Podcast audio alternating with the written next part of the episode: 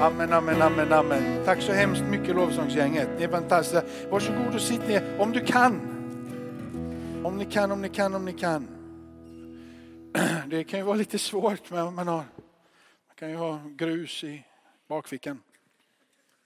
Hörni, eh, söndagen är ju alltid härlig. Eh, bara för att du ska veta det här Bernt, för du kommer se mitt utkast här. Jag måste tala om det för Bernt här innan. Att jag, jag tänker så här, jag har sju papper här. Och det innebär att om jag ska säga det här så kommer jag aldrig någonsin vara kvar klar till kvart över fem. För jag tänker att jag får 28-29 minuter. Ja, prata fort och säg mycket. För sen ska vi ha nattvard också. Så vi kan inte vara stressade till detta. Men, eh, men jag tänker så här att jag kör det jag har här Eh, den här resan. Och kanske det blir del 1, del 2, del 3, del 4 eller så blir det bara en del för att jag pratar så vansinnigt snabbt. Men jag måste läsa en, en bibeltext tillsammans med er innan jag kan predika. Så här lyder Guds ord. Och vi läser från andra Korintierbrevet kapitel 3. Och jag väljer att läsa 17 stycken höll jag på att säga, men det blir, eh, det blir 11, 11, eh, bibel, 11 verser. Och det står så här som rik i min bibel. Andra Korintierbrevet kapitel 3 och jag väljer att läsa från vers 7 ner till vers 18. Andra Korintierbrevet kapitel 3 från vers 7 ner till vers 18. Min rubrik i min bibel står det nya förbundets härlighet. Och eh, eh det, Bibeln är ett uttryck för det gamla testamentet av, av en härlighet som ingen människa kan vara i närheten av. Det, när Gud är eh, i, i gamla testamentet och hans närvaro är där så, så är det alltid en, någon form av en mäktig manifestation.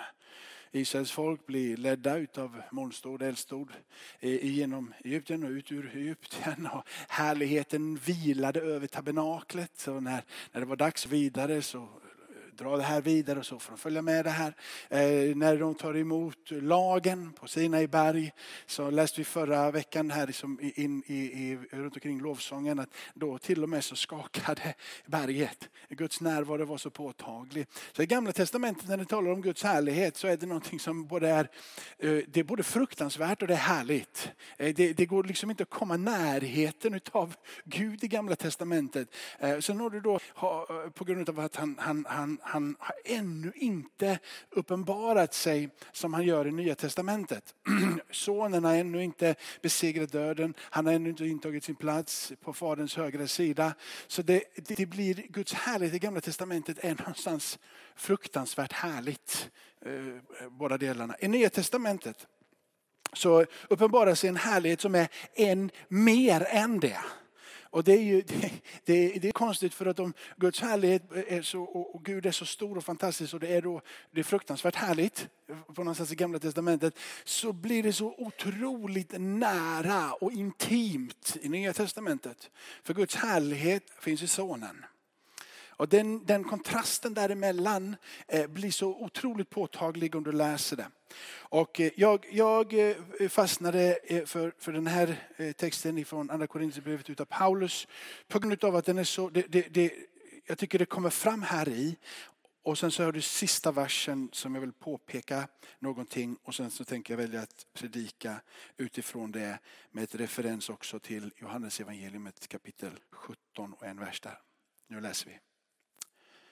Redan dödens ämbete som med bokstäver var inristade på stenar framträdde i sådan härlighet att Israels barn inte kunde se på Moses ansikte för dess strålglans.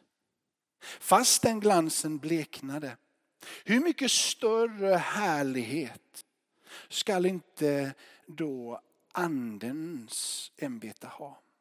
Om redan fördömelsens ämbete trädde fram i härlighet, hur mycket mer överflöda då inte rättfärdighetens ämbete av härlighet?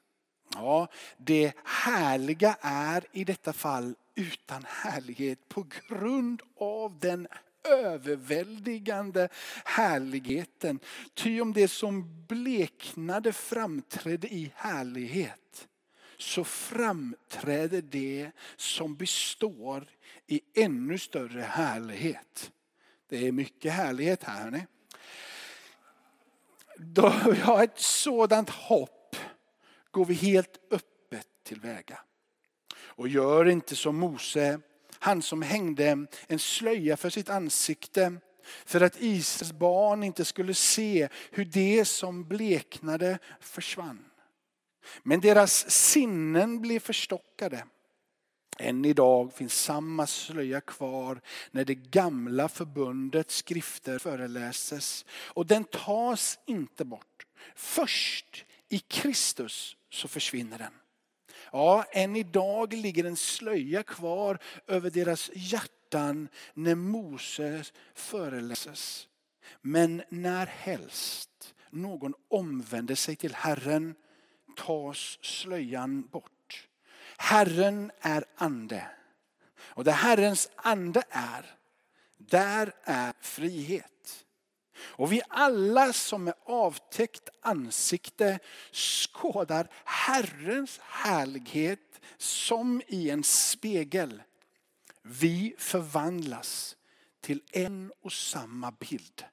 Från härlighet till härlighet.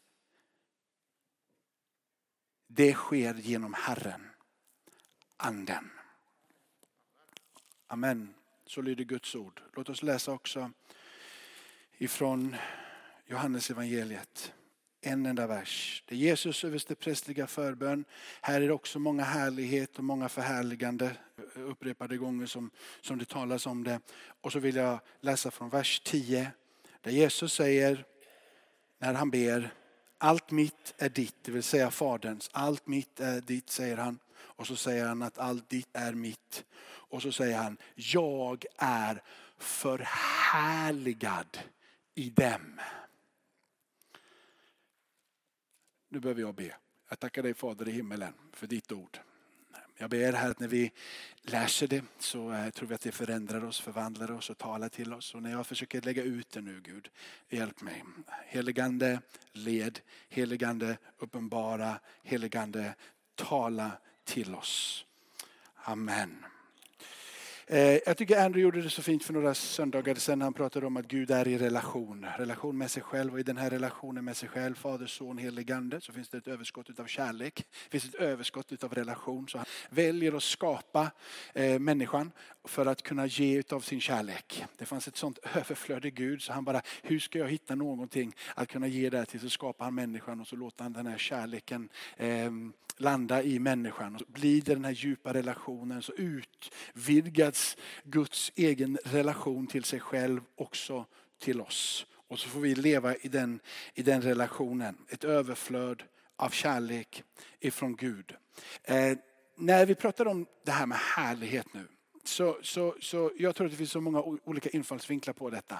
Eh, men, men om de börjar i änden utav nåd så skulle jag vilja säga att det finns någonting som Gud har gett. Det finns något som Gud har gett och det förhärligar honom.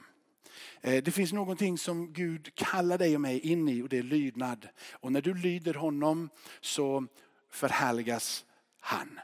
Och eh, när du lever i denna kallelse, den lydnad, så kallar han dig och mig som hans församlingen in i olika uppgifter. Och när vi gör de uppgifterna så förhärligas han. Och eh, när vi eh, eh, tar emot den här nåden och lever kallelsen i lydnad och stiger ut i den uppgift som Gud ger oss så säger Bibeln att Jesus vann en kamp på Golgata och han faktiskt ger och anförtror dig och mig att fortsätta leva i den kampen för att den seger som Jesus vann på korset ska synas och märkas över hela jordklotet. Så vi har en kamp att leva i till seger. Så, så, så, när vi pratar om det här, så vem är det som blir förhärligad? Jo, det är Jesus som blir förhärligad i dig och i mig. När nåden får verka, när hans kallelse får vara där, när eh, du eh, tar emot de uppgifter, vi som församling tar emot de uppgifter och sen också då när vi eh, faktiskt lever i den kampen och får uppleva och se den seger som han vann i det liv som vi lever. Det är bara han som blir förhärligad. Det finns liksom ingen annan som blir förhärligad. Varje gång som någon eh, människa på den här jorden förstår att vandra i det som Gud gör, har gjort och vill göra så är det han som blir förhärligad. Eh, det är inte du och jag. Jag, för att definiera det här så, så, så har, jag, har jag snott ett citat och så, så, har jag skrivit ett annat citat. Det finns säkert många andra som har gjort på liknande sätt liksom och, och uttrycker det. Men det finns ett, ett, ett citat från en, från en pastor, en sydbaptistpastor som uttrycker sig att eh, Gud blir som mest tillfredsställd i mig. Nej, precis. Gud blir inte tillfredsställd i dig och mig. Utan han säger att Gud blir förhärligad i dig och mig. Gud blir inte tillfredsställd i dig och mig. Utan vem är det som ska bli tillfredsställd i honom? Det är du och jag. Gud blir som mest brusten i dig och mig. Nej, Gud blir inte brusten i dig och mig. Han blir möjligtvis brusten din och min skull. Hans förhärligande Gud blir han när du blir brusten i honom. För då verkar hans död i ditt liv. Hans uppståndelsekraft verkar i ditt liv. Och Gud blir som mest förhärligad i dig och mig. När vi har våran fulla fokusering på vem Jesus är och vad han har gjort för oss. Han är vårt centrum. Både när vi sjunger Amazing Grace och när vi sjunger hur stor han är. Ena sekunden så blir han förhärligad för att du böjer dig ner och säger Amazing Grace. Den här oändliga nåden. Och han blir förhärligad för att du har funnit dig själv i honom. När du sen ser att han är konungarnas konung och herrarnas herre och han är guden som segrar ifrån evighet till evighet och du förstår det och du kan ställa dig på den platsen här och bara säga Gud, jag kapitulerar för dig. Du är mitt begär. Jag vill inte ha begär någon annanstans i den här världen. Du är min fulla fokusering. Du är min tillfredsställelse. Du är allting vad jag längtar efter. Jag lämnar bort allting. Jag har min, jag har allt är i dig så blir han förhärligad i dig. Så han blir förhärligad i dig när när du är brusten och när du är tillfredsställd. För det är han som blir förhärligad, aldrig någonsin du och jag. Eller hur? Så. Jesus är unik. Jesus är unik på alla sätt. Jesus har någonting att erbjuda dig och mig. Och ehm, du kan bli frälst och du kan fortsätta att bli frälst.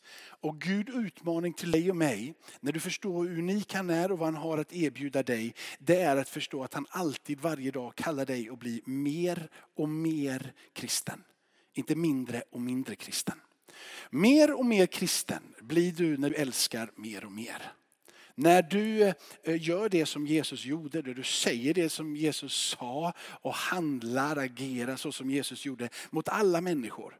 Och det, här är, det här är lurigt. För eh, det, det är liksom svårt, ni kanske har varit med och hört att, eh, om den här eh, liksom, hbtq-frågor och alltihop. Och man ska vara så tro, duktigt radikal som kristen så man, så man nästan liksom, kan inte ens vara i närheten av dem. Jag menar den att om, om det här är en fråga om dem och vi så kallar Gud dig att ta bort dem och vi du är inte kallad att kategorisera människor. För Jesus kategoriserade inte människor. Jesus älskade alla människor fullt ut. Jesus gav sitt liv för alla människor fullt ut. Han tänkte inte först på juden och sen på greken utan han tänkte både på juden och greken. Han tänkte inte först på de människor som väljer vänster eller höger utan han dog för alla människor.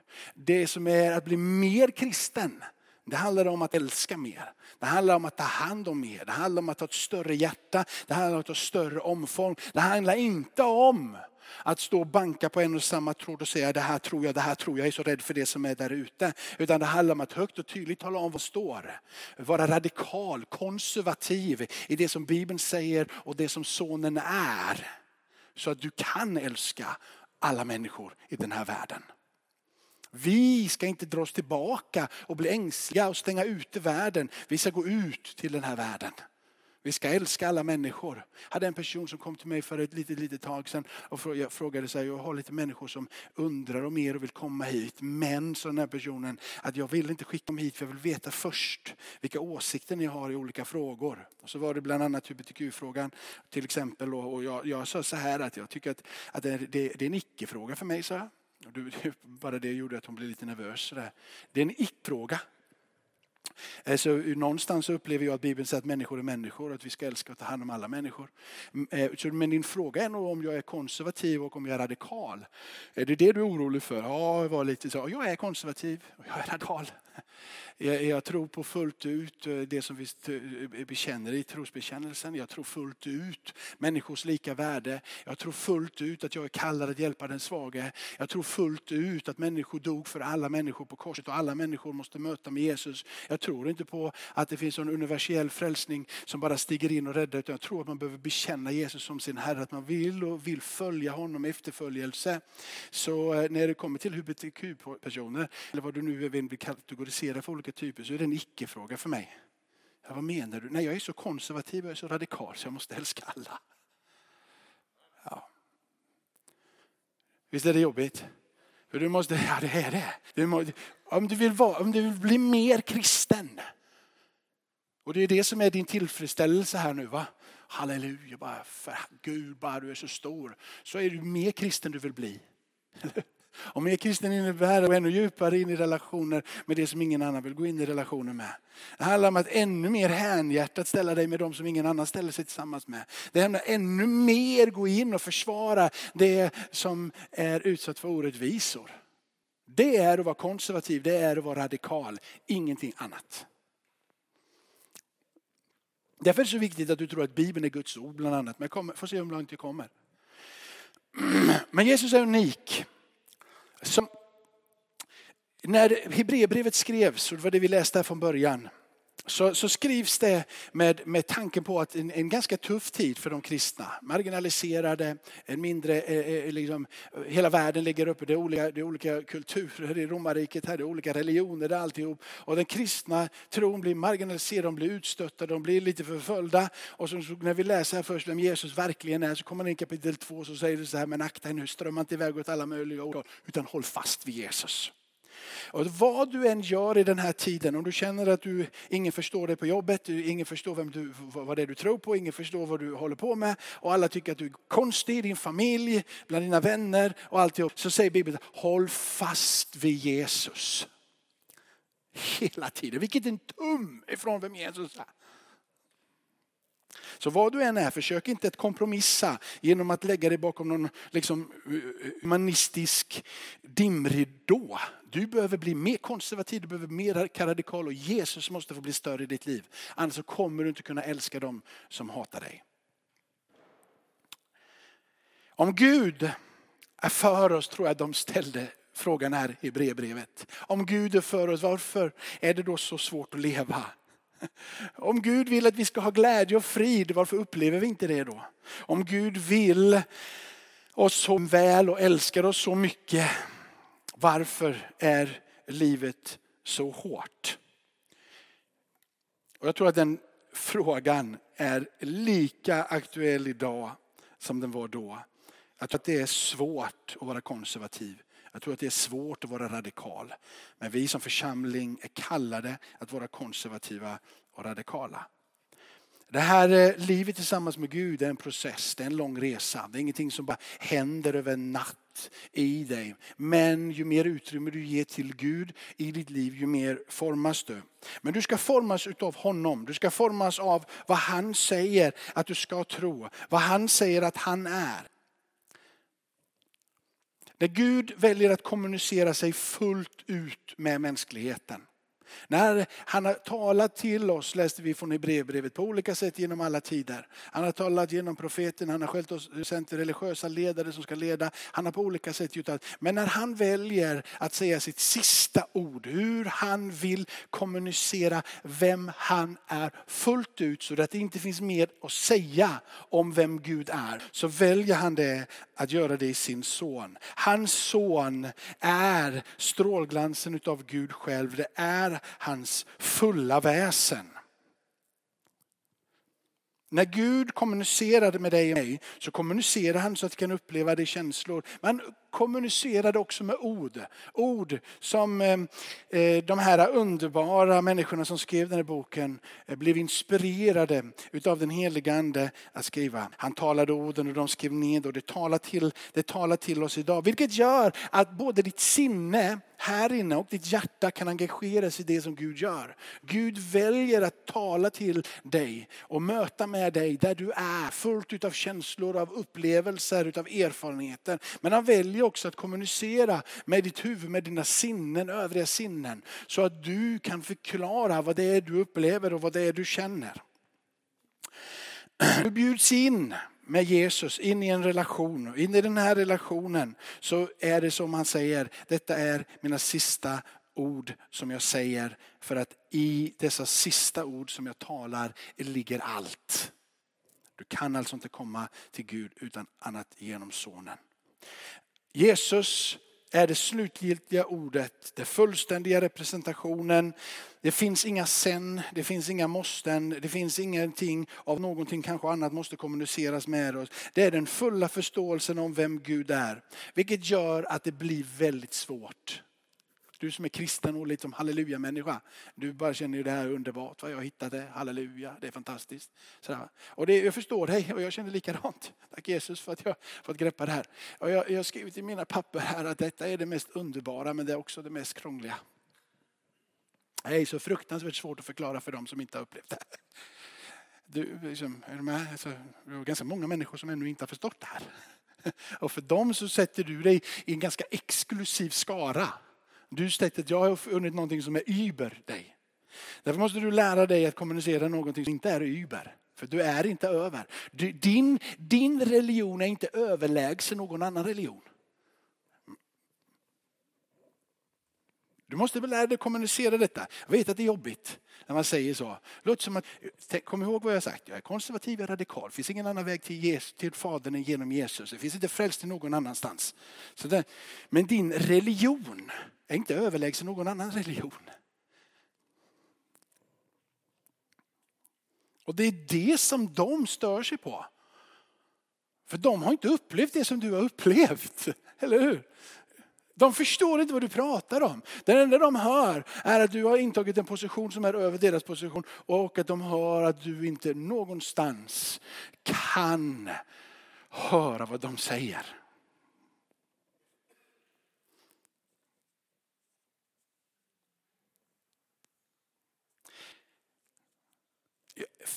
Jag, jag, det här är en sån fattig bild. Men, och jag, kan inte, jag, kan, jag försökte sitta och tänka, jag kan inte komma på bättre här nu. Nu har jag ju kommit i alla fall ett och ett halvt papper Bernt, men det är fem minuter kvar.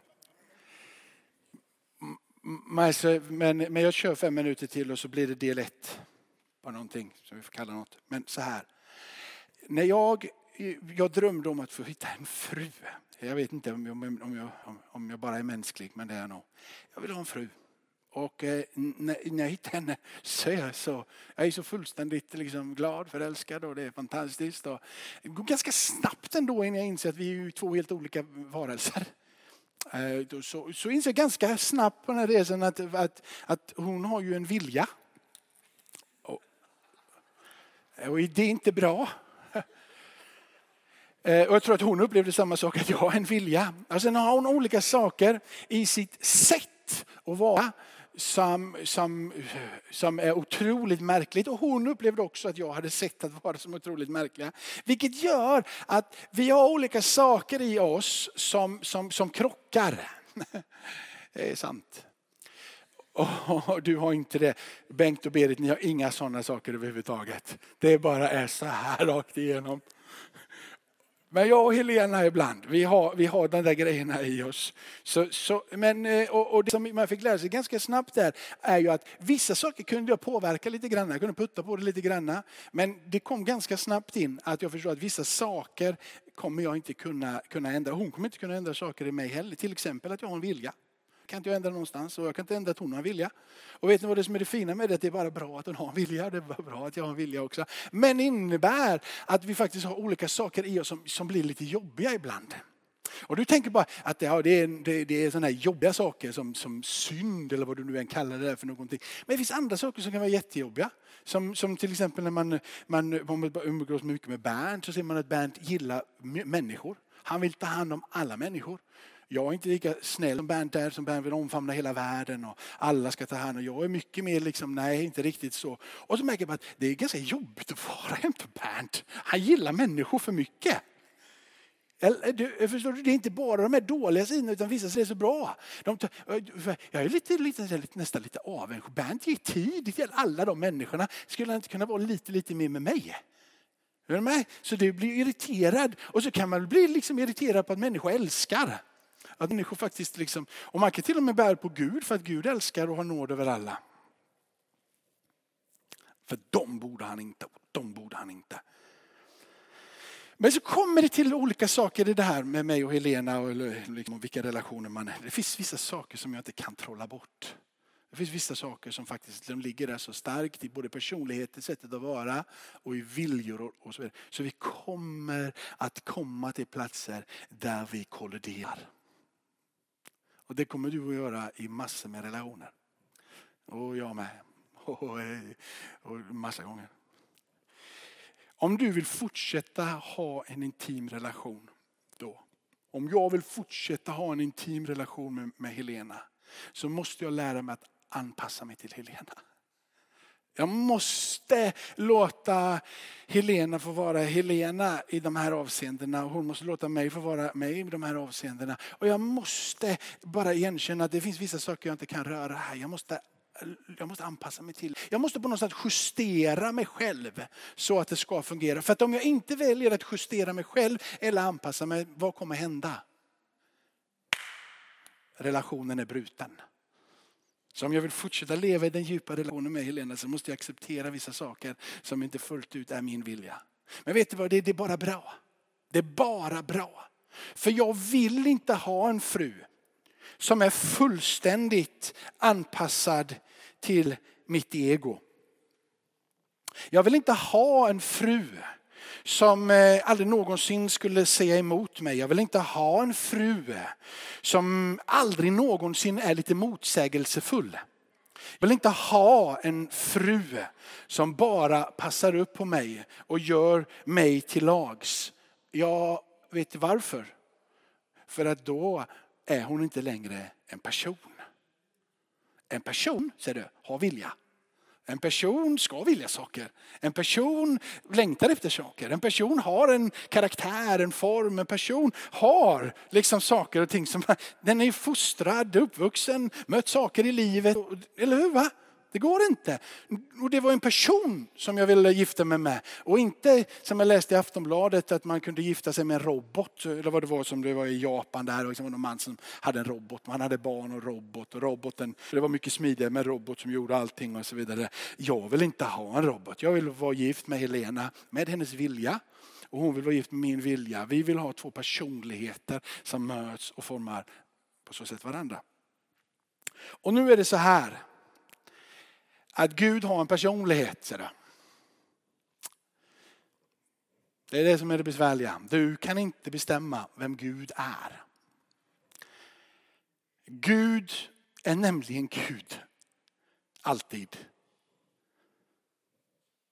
Guds ord är Guds ord. Bibeln säger att det är det. Gud säger att det är det. Kyrkan säger att det är det. Om du inte tror på Guds ord så har du börjat skapa dig en Gud som inte är Gud utan snarare någon form av handledare möjligtvis. Eller någon har sagt så här när jag, när jag har förut med du har skaffat dig en personlig assistent. Men jag tror på Gud.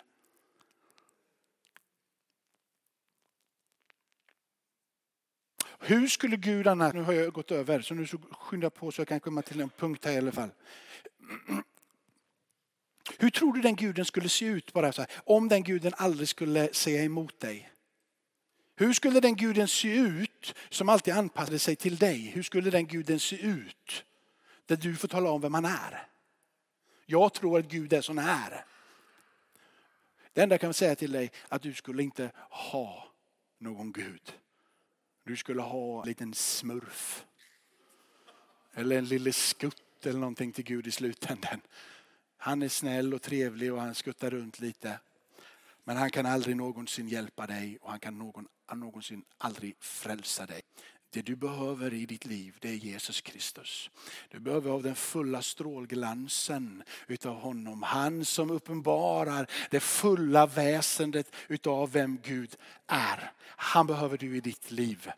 Och allt folket sa Amen. Tackar dig Fader i himmelen för att vi får inleda, eh, eh, läsa härliga starka bibelord som talar om din härlighet. Och vi ber att vi skulle få erfara mer av din härlighet i den formen utav Jesus. Tack för att du valde att kommunicera hela din härlighet, allt vad du är, din eviga oändliga person. Allsmäktige Fader, fridsförste, universum skapar. Du lät oss få stiga in och förstå din härlighet genom den här formen som du väljer, en personlig relation. Hjälp oss att älska Jesus.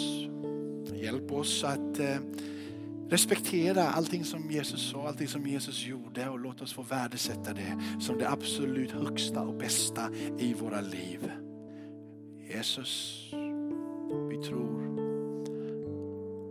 att du blir som mest förhärligad i mig när jag är som fullt ut tillfredsställd i dig. Ja, vi tror att du är som mest förhärligad i mig när jag ligger på mina knän, brösten inför dig och ropar om din nåd. Tack Jesus. Och I den här församlingen Jesus så är du konungarnas konung och du är herrarnas herre och det finns ingen annan Gud.